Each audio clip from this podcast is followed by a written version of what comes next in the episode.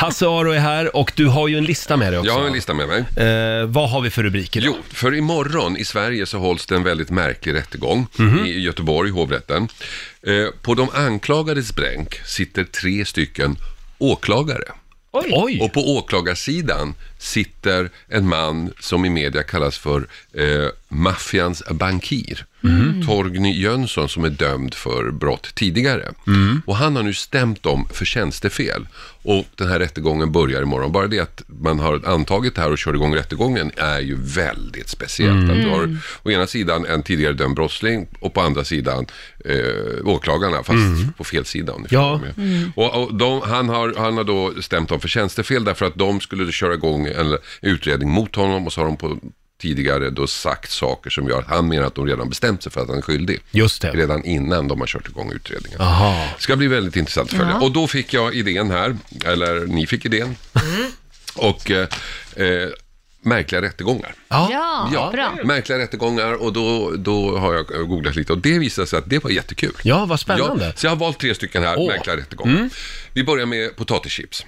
Eller Mhm. Jaha. förlåt, vi börjar med chips. Ja. Mhm. Eh, vad är chips gjort av? Potatis. Eller Ja. hur? Ja.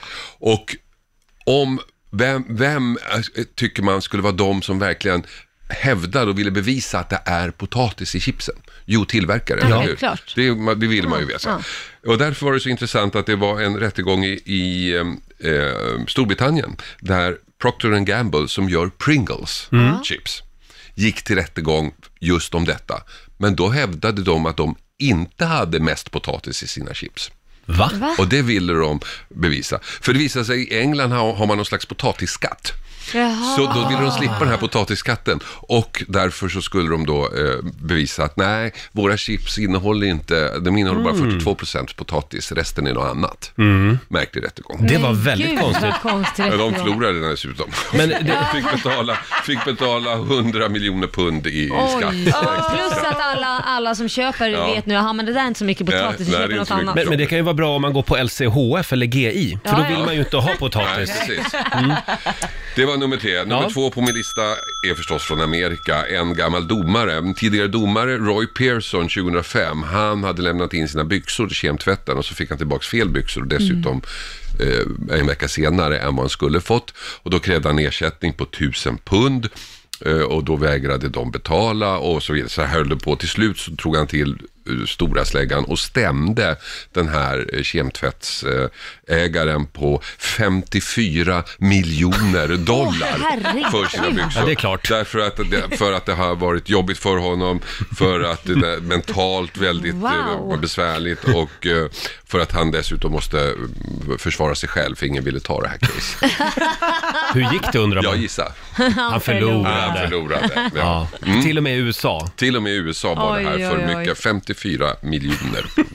Gud vad de Wow. stämmer Och då varandra hela hade, tiden. ändå, då hade ändå den här eh, tvätt, eh, alltså han som ägde kemtvätten erbjudit först 3 000, sen 4 600 och till och med 12 000 dollar, Oj. vilket jag tycker Oj. är rätt mycket för ett par byxor. Ja, Nej, verkligen. 54 miljoner vill jag ha, tack. Fast han måste ju, ha- det måste ju ha varit ett otroligt eh, psykiskt lidande för den här mannen. ja, just det. Fyra Verkligen. år tog det här. Fyra år. Ja, men gud stackars. Mm. Det handlar om märkliga rättegångar. Märkliga rättegångar.